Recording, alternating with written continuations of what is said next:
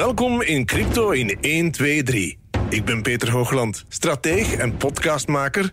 En mijn crypto-mentor, onze crypto-mentor, is communicatiespecialiste en public speaker Kim Londers. Kim heeft zich diep ingegraven in de crypto- en blockchain-wereld en helpt ons die nieuwe wereld beter te begrijpen in deze podcastreeks. Vandaag, aansluitend op de vorige aflevering, krijgen we meer antwoorden op de vragen welke gebeurtenissen de bitcoinwaarde en andere crypto's deed groeien. Vandaag ontdek je ook wat een kwant is, wat de impact was van het failliet van de banken in Cyprus op de bitcoin. Wat is de rol van San Salvador? Wanneer zie je de bitcoin stijgen? Wanneer zie je de bitcoin dalen? Kim, laat ons terugkeren naar Um, even kijken, we zitten in 2012. Coinbase, uh, de nu grootste bitcoinmakelaar en exchange. Op dit moment 4 miljoen gebruikers, wordt in 2012, in juni 2012 opgericht. Er komt ook een Bitcoin Foundation in dat jaar. En op 28 november 2012 is die eerste Bitcoin halving.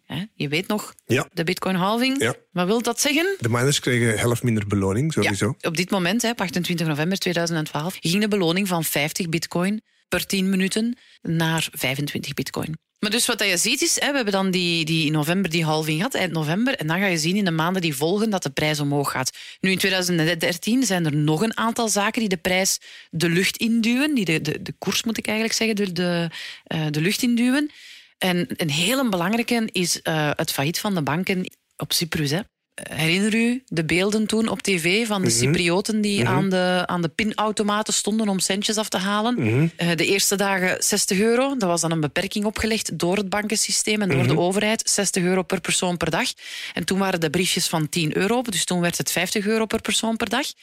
En wat toen heel veel Cyprioten gedaan hebben, en ik denk met Cyprioten ook nog een heel aantal andere wakkere Europese burgers, die hebben toen eh, hun, hun spaarreserve omgezet in bitcoin omdat dat uh, ja, op dat moment een toevluchtsoord was hè, om, om hun, hun, geld veilig te stellen. Want een bank kan ten allen tijde zeggen: het geld is er niet meer. Mm -hmm. De bank is failliet. Het spijt mij, uw spaarcentjes zijn weg. En er is dan wel dat uh, het bank, bankdeposito-garantiestelsel gekomen. Mm -hmm. um, maar, uh, maar ja, kijk, op dat moment uh, hebben heel veel mensen hun spaarcentjes omgezet in bitcoin. Wat er mede met die halving van 2000, eind 2012 heeft voor gezorgd dat de prijs uh, voor het eerst eigenlijk in zijn geschiedenis een prijs van, uh, van 1000 uh, dollar bereikte. Maar ik kan me inbeelden dat dat niet de enige dingen waren. Er waren een aantal andere zaken die ook meespeelden. Mee Bijvoorbeeld in de Senaat in Amerika uh, werd er in november toen een open debat gehouden over de toekomst van bitcoin. En de Senaat voorspelde een grote toekomst voor bitcoin. En ook China gaf initieel zijn goedkeuring voor bitcoin. Mhm. Hoewel dat ze dan nadien wel, wel teruggedraaid hebben. Uh, maar ja, er was, er was best wel wat goed nieuws in 2013. Dat maakte dat de prijs uh, omhoog ging. En ook, hè, herinner u dat we daar juist gezegd hebben dat de, de marktwaarde naar 1 miljoen ging. Mhm. In 2013 ging de marktwaarde naar 1 miljard. Okay. 100 miljoen. Dus dat is een factor maal 100. Ja. Op Klein twee, sprong. twee jaar Kleine tijd. sprong. Ja. Maar het is waarschijnlijk een afwisseling tussen goed en slecht nieuws. Dan komt nu weer wat minder nieuws. Eind 2013 uh, kwam er dan, ondanks het feit dat ze eerst zeiden van we geven goedkeuring aan bitcoin, kwam dan het nieuws dat uh, bitcoin niet werd gezien als valuta en financiële instituten niet meer mochten handelen in bitcoin en geen diensten mochten aanbieden met betrekking tot bitcoin. Mhm. Mm -hmm. Wat maakte dat in 2014 bitcoin de helft van zijn waarde verliest nadat China een aantal regels stelt? En dan krijgen we veel hacks ook. Er worden uh, heel veel bitcoins gestolen uit de hot wallet van Mt. Gox, waar dat we het daar net over hadden, die allereerste uh, um, beurs. Vooral door mismanagement enzovoort, hè, want het zat allemaal in hot wallet, dus het was eigenlijk niet goed beveiligd. Belangrijk om te beseffen en te weten is, hot wallet is online, Mhm. een cold wallet is Niet een online. veredelde USB. Het lijkt op een USB-stickje en daar kan je inderdaad uh, je munten veilig op parkeren en dan uh, echt effectief loskoppelen van de computer en het internet, zodanig dat er niemand aan kan. Niemand aan kan. En ja, op dat moment was er ook nog niet heel veel regelgeving. Hè. Het was nog een hele ongeregulariseerde sector. Mm -hmm. Wat dan maakt dat, ja, ik zeg het, men was zich nog niet bewust van, van al de veiligheidsrisico's. En men heeft geleerd uh, met vallen en opstaan. 2015, dan gaat het even weer uh, lelijk doen in het begin. Ja, weer een hack. Hè. Bitstamp, ook een hele grote exchange, wordt gehackt. Nu, gelukkig hadden die voldoende in, uh, in uh, bitcoin in reserve. Dus hun klanten hebben er niet te veel last van ondervonden, maar het was vooral reputatieschade. Bitstamp was ook weer zo'n platform. Zo'n ja, ja, uh, wisselkoersplatform ja, of een handelingsplatform. Ja, een platform, maar draaide vooral ook als, als broker. Wat is het verschil tussen een broker en een platform? Een broker koopt zelf bitcoin aan, dus heeft bitcoin in reserve. Een platform, een, een, een exchange, is eigenlijk een platform waar gefaciliteerd wordt dat mensen elkaar kunnen ontmoeten en kunnen handelen. Mhm. Dus een broker zal een eigen reserve hebben. Een exchange heeft niet per se een eigen reserve. Creëert gewoon de plaats waar koper en verkoper elkaar kunnen ontmoeten. Okay. 2015 is toch wel een, een, een, belangrijk jaar, ook omdat daar voor de eerste keer regelgeving komt mhm. vanuit uh, Amerika, staat mhm. New York. Uh, die rechtstreeks op crypto is gericht. Ja? Ja. Uh, met name de BitLicense. Wat inhoudt dat cryptobedrijven die klanten uit New York bedienen zich binnen de 45 dagen moesten aanmelden voor zo'n BitLicense ter waarde van 5000 dollar. Maar op zich is dat dan allemaal eigenlijk wel goed voor het geheel, hè? Die, die ontbrekende regelgeving. het kind is aan het groeien. Er komt regelgeving. Er, door, omwille van dingen die fout lopen, worden er oplossingen bedacht, worden dingen veiliger. En dat is goed natuurlijk. Hè? Enerzijds zou je kunnen zeggen, mensen zijn absolute voorstander van crypto- en blockchain-toestanden. Waarom? Om een aantal redenen, zoals het gedecentraliseerde. We gaan werken van één op één. Mhm. Maar niemand heeft een probleem, denk ik, met een soort van veiligheidskader. Er zijn twee groepen, hè, Peter. Er zijn groepen die zeggen, wij moeten al die regelgeving niet en wij willen, uh, wij zijn, uh, bitcoin is net, ge, net ge, ge, gecreëerd uh, om gedecentraliseerd te zijn, om geen inmenging te hebben van derde partijen. En derde partijen, hè, we hebben nu altijd voorbeeld gegeven, de bank, maar we hebben het dan ook over centrale banken en over overheden. Hè. Um, daar hebben we nu nog niet echt op ingezoomd, omdat we het nog niet echt over het monetaire systeem hebben gehad. Maar er was die boodschap in het Genesis-blok, mhm. wat dat, als je het dan zo wilt interpreteren, mogelijk wel een middelvinger was naar mhm. het systeem. Mhm. En het systeem, dan is het niet alleen het commerciële bankensysteem, maar ook het systeem van centrale banken en overheden. Er is de ideologie en er is de groep die heel dicht bij die ideologie staat. En dan heb je natuurlijk een groep die vooral geïnteresseerd is in het economische aspect en het waardeaspect en, en, enzovoort. Hè. Nu, je kan wel zeggen dat die crypto- en die blockchain-wereld voor heel veel veranderingen zorgt en we staan nog maar aan het begin. Net zoals het internet voor heel veel verandering heeft gezorgd. Hè. Mm. Men zegt ook wel eens van blockchain-technologie staat op dit moment op het punt waar het internet was in de jaren negentig. Ja? En nu moet je zelf eens denken, wij, ik mag zeggen wij, wij hebben nog de cassettekes en de cd's en de mhm. platen in het rek mhm. gehad. Onze mhm. boeken die stonden in de boekenkast. Onze uh, als, wij, als wij met de auto op pad gingen en we gingen op reis, dan hadden wij de GSP in plaats van de GPS. Weet je wat de GSP is? Nee, ik weet het niet meer. Het geplooid stratenplan. Flauw mopje. Oh my God. Het geplooid stratenplan. Hey, maar, maar eh, wij hebben dat nog meegemaakt. Ja. Mijn kinderen, die kennen dat niet meer. Die, die, die luisteren hun muziek op, op Spotify, uh, iTunes. Als die op reis gaan, gebruiken die... Smartphone. Zelfs al geen GPS niet meer. Hè. Ja, de GPS ingebouwd in de wagen, dat kennen ze maar een tomtom. En, en, en, en dat, is ook al gepasseerd. Hè? Dat wordt nu gewoon ingebouwd in, in, in, in wagens. Maar wij gebruiken Google Maps en Waze. En, en dat zijn appjes op het internet. Mhm. Die waren er niet geweest als het internet er niet was gekomen. Ja? En dit is de volgende revolutionaire stap. Blockchain-technologie is inderdaad de nieuwe, ik noem dat een renaissance, zeg ik wel eens, niet revolutie, maar een renaissance. Men zegt, en ik ben daar ook van overtuigd, dat die blockchain-technologie op dit moment op het punt staat waar het internet stond in de jaren 90.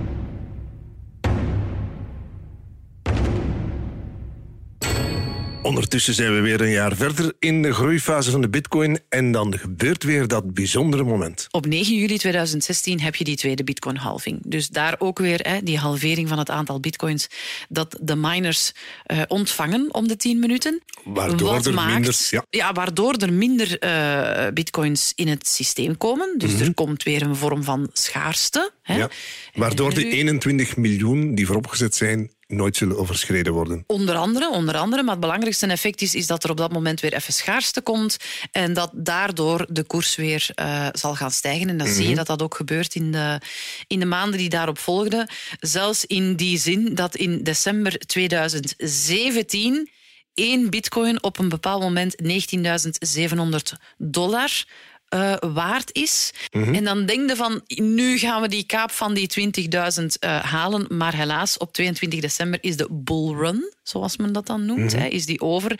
En verliest de bitcoin op 24 uur tijd een derde van zijn waarde. Voor de duidelijkheid en onze leerfase, wat is een bullrun, Kim? Een bullrun duidt eigenlijk op koersen die stijgen. Mhm. Een bear run ken je ook, maar dan noemen we het eigenlijk gewoon een bear cycle.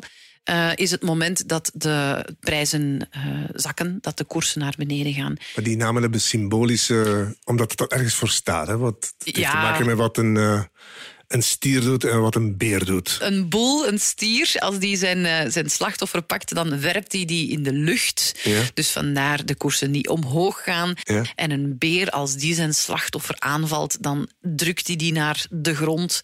Uh, dus vandaar de koersen die naar beneden gaan. En men spreekt dus van een stierenmarkt of een berenmarkt of een, een bullrun en een, een, een bear run. Ja, oké. Dus, uh, maar dus voilà, kijk, uh, we zijn op het einde van het jaar. Daar hebben we met 2016 hebben we de halving. Uh, gedurende 2017 gebeuren er een aantal zaken die maken dat de prijs, de koers verder stijgt. Eind december zitten we op 19.700 dollar. En dan op 22 december is de bullrun definitief over en komt er een crash. Mm -hmm. Nu, 2017 is ook nog belangrijk om een, om een ander iets. En dat is dat er op dat moment een upgrade komt van de software van Bitcoin. En die is goedgekeurd door de meerderheid van de community, zoals dat altijd moet. En die uh, upgrade die dient om schaalbaarheid te verbeteren. Wat betekent dat? Wel, het ging op dit moment over de grootte van de uh, blokken. En uh, ja, daar ging het eigenlijk hoofdzakelijk over. Ik ga daar niet Hmm. dieper op ingaan. Het ging vooral over de grootte van de blokken. En wat je ziet is dat een deel van de community het eens is met de upgrade, een ander deel niet. En dan krijg je een afsplitsing van de blockchain. Wat men in de cryptowereld ook een hard, een fork. We zullen beginnen met Mhm. een fork, een vork. Hè. Een vork heeft zo van die tandjes. Mhm. En op dat moment wordt dus Bitcoin Cash geboren. Dat zal je zien als je ooit gaat. Als je ooit wil Bitcoin kopen, dan zal je zien dat er een aantal varianten op Bitcoin zijn. Bitcoin Cash is er daar één van.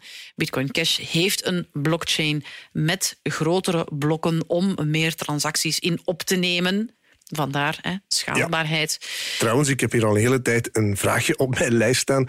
Wat zijn nu die Bitcoin futures? Bitcoin futures zijn is eigenlijk een, een afgeleid product van Bitcoin. Het zijn, um, om het heel kort samen te vatten, zijn dat contracten met een bepaalde termijnafspraak en een bepaalde prijsafspraak. Ik ga Ja. daar niet, want het zijn echt het zijn financiële instrumenten, dus het zou ons te verleiden om echt te gaan uitleggen wat dat, dat allemaal juist is.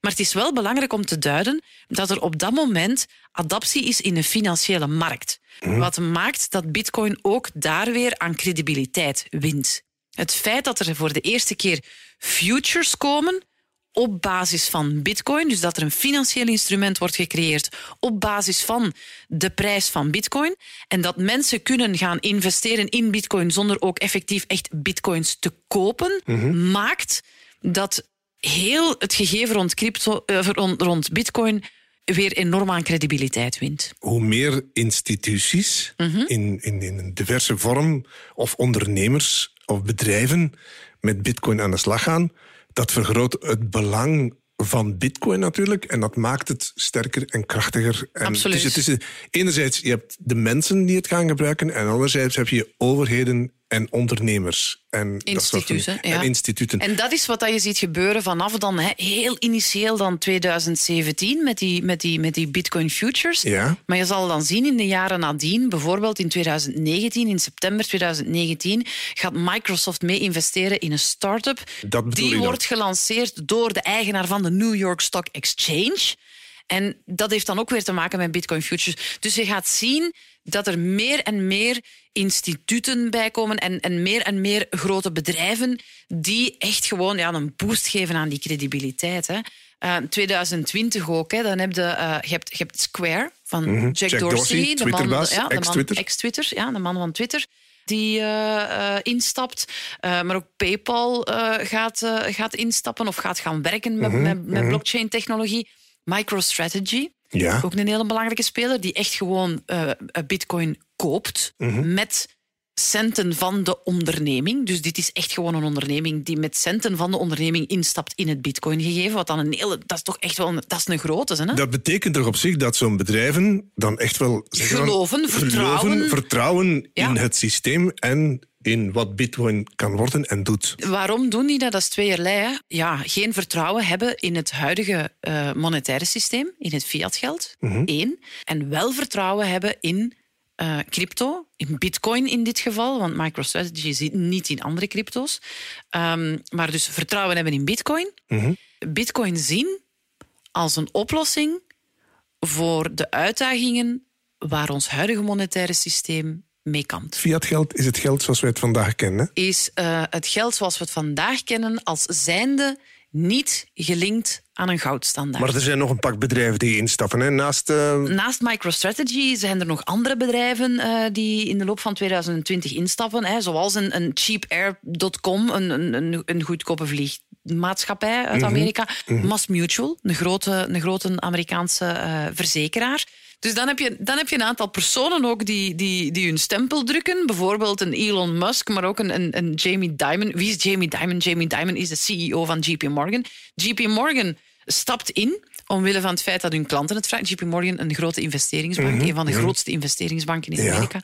Ehm, hoewel dus Jamie Dimon die blijft volhouden dat bitcoin waardeloos is. Maar ze kunnen niet anders dan in, mee instappen, omdat de, de vraag van de klanten er is. Mhm. Eh, en dan heb je ja, een Elon Musk. Hè? Een Elon Musk die in 2021 eh, in zijn eh, bio op Twitter gewoon hashtag bitcoin zet en daardoor de prijs doet stijgen van de bitcoin. Dus, dus Zo eenvoudig kan het dan ook gaan. ja, zo'n invloed hebben, hebben die, die, die, die grote namen. Hè. Men, noemt, men noemt die namen... eh, Die vertegenwoordigen natuurlijk ook heel veel kapitaal en heel veel economische ja, kracht weet je, of eh, voetafdruk. Elon Musk koopt ook voor, wat is het, eh, ik geloof anderhalf, anderhalf miljard eh, Dollar. dollar koopt die bitcoin met, Mhm. met Tesla dan. Hè. Dus niet Elon, Elon trouwens zelf koopt ook eh, bitcoin. En twittert, of tweet daarover, moet ik dan zeggen. Mhm. En eh, ja, dan zie je prijsstijgingen. Hè. En die mannen, dat zijn instanties die men dan whales noemt. Hè. En wanneer ben je dan een whale? Whales zijn, zijn partijen die meer eh, dan eh, duizend bitcoin in hun bezit hebben. Sharks zijn partijen die tussen de 500 en de 1000 bitcoins hebben. En dolphins zijn dan partijen die tussen de 100 en de 500 eh, bitcoins hebben. Dit is even tussendoor. Dat is eigenlijk vergelijkbaar met wat we op de klassieke beurzen zien gebeuren, ook voor een deel. Ja, alleen op de crypto heeft het nog altijd net iets meer impact. Omdat, omwille van het feit dat er net nog meer, iets meer volatiliteit is. Hè, volatiliteit, koersschommelingen. Dus die zijn altijd iets groter. Oké. nog even om door te gaan, 2021. Eh, in februari, eh, om weer even op die marktwaarde terug te komen, gaan we, van, eh, gaan we naar een marktwaarde van 1 biljoen.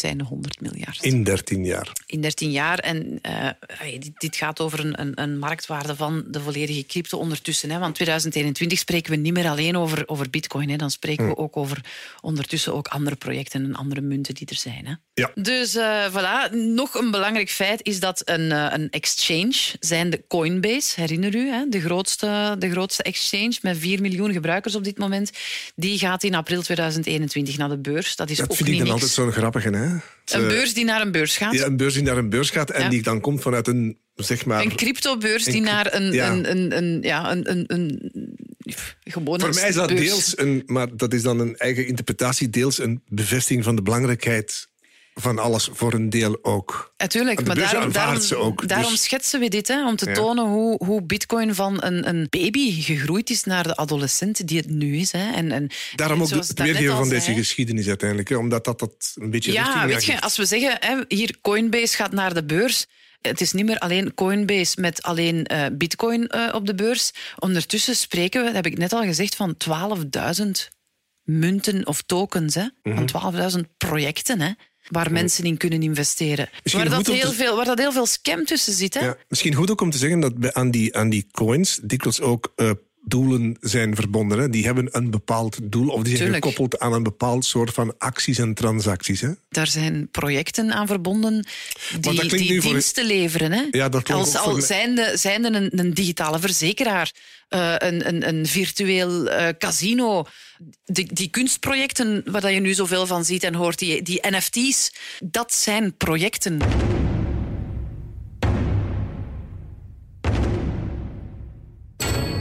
In 2021 is er dan ook San Salvador die de bitcoin accepteert als betaalmiddel. Maar dat heeft een hele grote impact op heel veel gebieden blijkbaar. Dat heeft een ongelooflijke impact gehad. Hè. Ehm, en niet zozeer op de koers, want er is dan even zo'n een, een, een, een, een pump en dump. Er is een beetje kunstmatige koersdrukking geweest op dat moment. Maar als ik bedoel, een ongelooflijk impact ook gewoon weer op, op, op de, de, de, de, de adaptie en adoptie van, ehm, van bitcoin en crypto in het algemeen. Beeld u in, Peter. El Salvador is nu een gigantisch testterrein voor heel veel ondernemingen, hè? voor heel veel bedrijven. Hè? Een, een, een- Omdat bedrijven ook bijvoorbeeld hun belastingen mogen betalen met bitcoin. daar in dat land, maar vooral ook omdat ze kunnen testen van hoe werkt dat.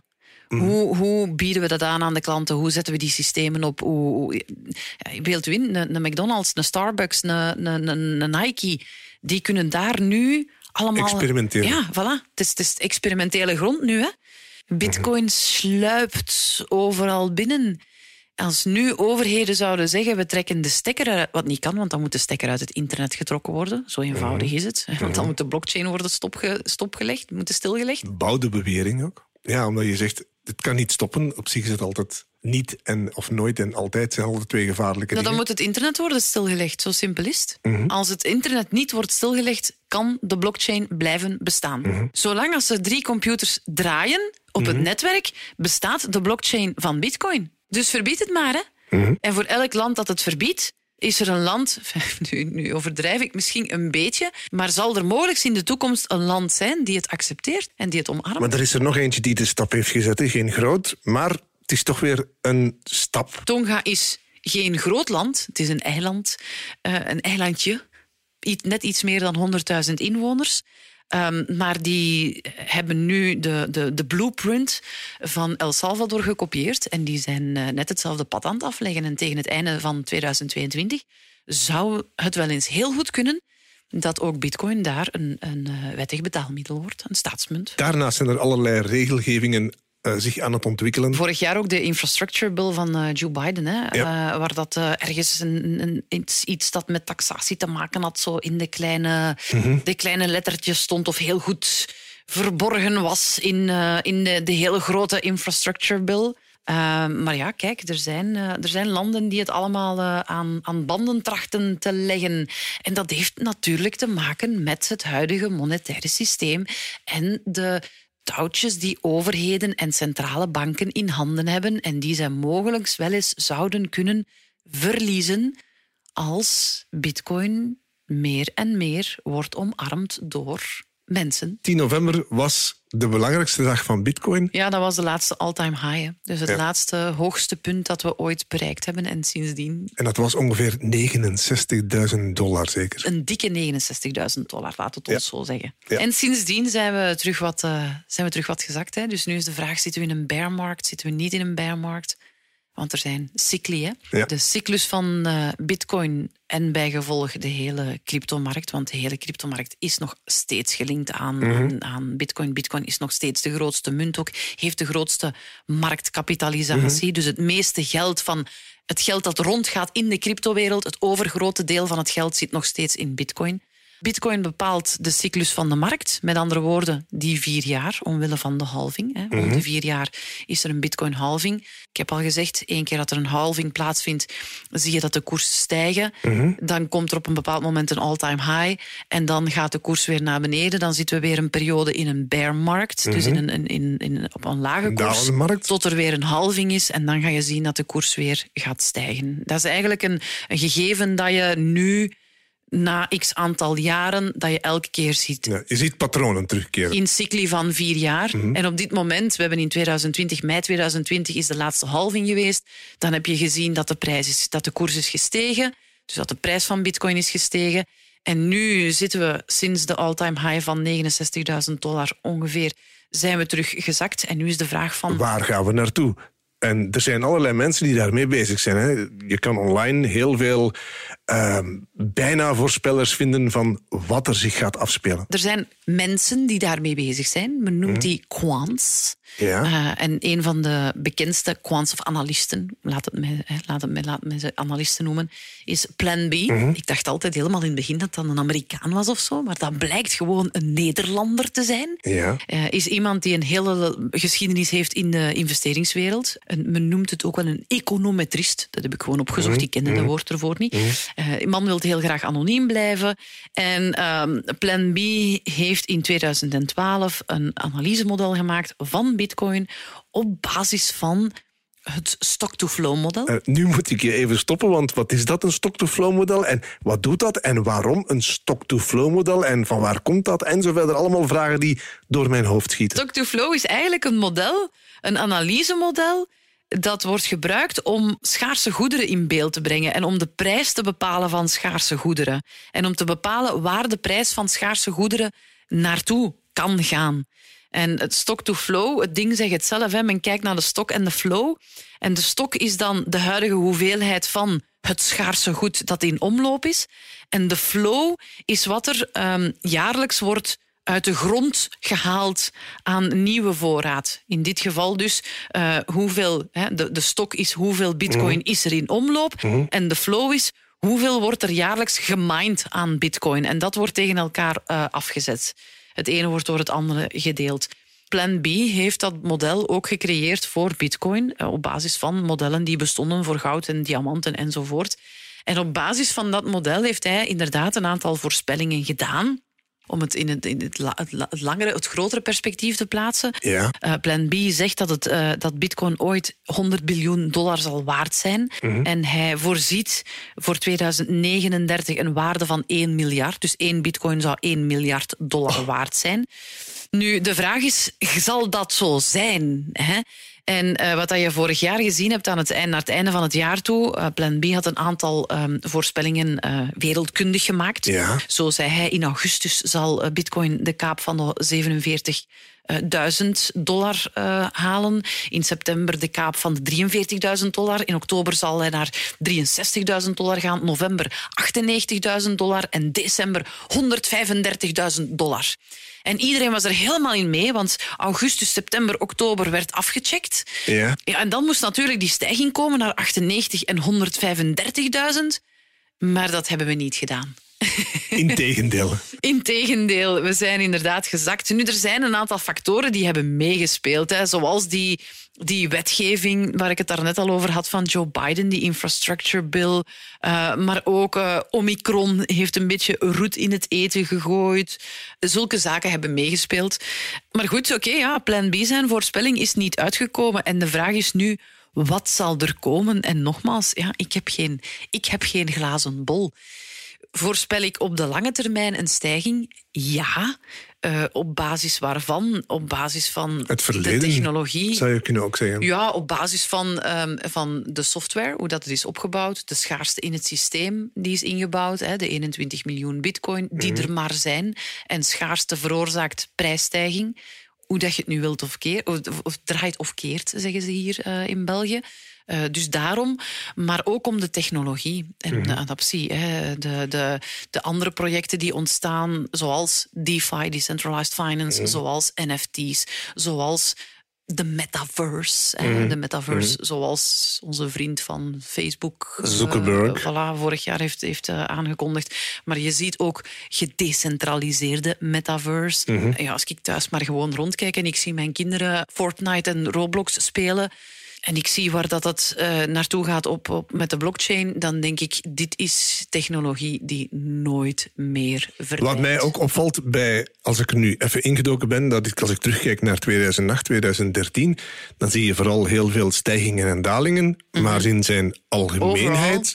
is het een gigantische stijging. Ja, overal. Toch nog altijd, in vergelijking met van waar we komen. Hè. Het gaat... Uh, voilà, het is dat wat we zeggen, hè, Peter. Er is veel volatiliteit. Er zijn hoge pieken, er zijn lage dalen. En de hoogste piek die we, die we nu onlangs hebben gehad, was die 69.000 dollar voor één bitcoin. Ehm, ja, en nu zijn we weer gezakt. Hè? Dus we, zitten weer, we gaan weer van een piek naar een dal. Maar als je kijkt over heel die tijdspanne, als je daar naar de gemiddelde groei kijkt, dan kun je niet anders dan zeggen van er is een groei. En die wordt veroorzaakt volgens mij, of die is volgens mij, en dat is puur persoonlijk, een gevolg van de schaarste die in het systeem zit, wat er gebeurt buiten het systeem, in het monetaire systeem zoals wij het vandaag de dag kennen. Mhm. En daar gaan we het nog over hebben. Maar ook de technologie van blockchain, die niet meer gaat verdwijnen. Dat durf ik nu eens echt met, het, met de hand op het hart zeggen. We gaan het later hebben over andere projecten, over Ethereum, Mhm. over andere munten. En dan komen we bij andere projecten en hoe dat blockchain wordt ingezet voor die andere projecten. En dan ga je ook gewoon horen van dit gaat niet meer weg. Mhm. Eh, dus die feiten zijn er. En dan het feit dat blockchain alleen maar kan verdwijnen als de stekker uit het internet wordt getrokken. Men kan het, nog, kan het bitcoin heel erg moeilijk maken. Hè? Men kan heel veel regelgeving. Men kan zoals China het gaan verbieden. Eh, men kan het, het minen gaan verbieden en bannen. Maar er zullen altijd plaatsen op deze wereldbol zijn waar het wordt toegelaten. Er zullen altijd instanties zijn die bitcoin zullen omarmen. En herinner u... ja, Vanwege zijn, zijn, zijn, zijn eigenschappen. ja, en het is grenzen, grenzen vallen weg bij bitcoin. Zolang als die blockchain En ook draait... omdat veel mensen waarschijnlijk economisch voordeel bij hebben. Hè? Als je nog maar aan het idee denkt van de transactiekosten, dan denk ik van ja, transactiekosten, eh, de unbanked die de mogelijkheid krijgen om wel toegang te krijgen tot financiële diensten. Er zijn zoveel voordelen aan verbonden. Wij hier in ons wereldje waar we het goed hebben en waar de automaten werken en waar het bankensysteem relatief goed werkt. Wij hebben daar op dit moment hier geen nood aan. Maar er zijn hier er zijn plaatsen op ons wereldbolletje, om het zo te zeggen, waar mensen er wel heel erg veel baat bij hebben, bij al de eigenschappen die verbonden zijn aan bitcoin en bij uitbreiding aan crypto. In de voorbije twee afleveringen hebben we je meer inzicht proberen geven in bepaalde gebeurtenissen en evoluties die een invloed hadden op de dalen en de pieken en de ontwikkeling van de bitcoin en de waarom ervan. We hebben in deze aflevering regelmatig ook gerefereerd naar het klassieke monetaire systeem, onder andere in functie van die pieken en dalen. Meer dan een reden genoeg dus om een blik te werpen op dat klassieke monetaire systeem versus het crypto-ecosysteem. En ja, daarmee komen ook de altcoins in zicht. Altcoins zijn alle andere crypto's dan de bitcoin. Dank voor het luisteren en graag tot aflevering 6. Deze podcastreeks Crypto in 1, 2, 3 is een productie van HLN, Kim Londers, Buitenbenen en Peter Hoogland. Vind je deze podcast goed? Deel hem dan via je sociale media en geef een review via je favoriete podcast-app.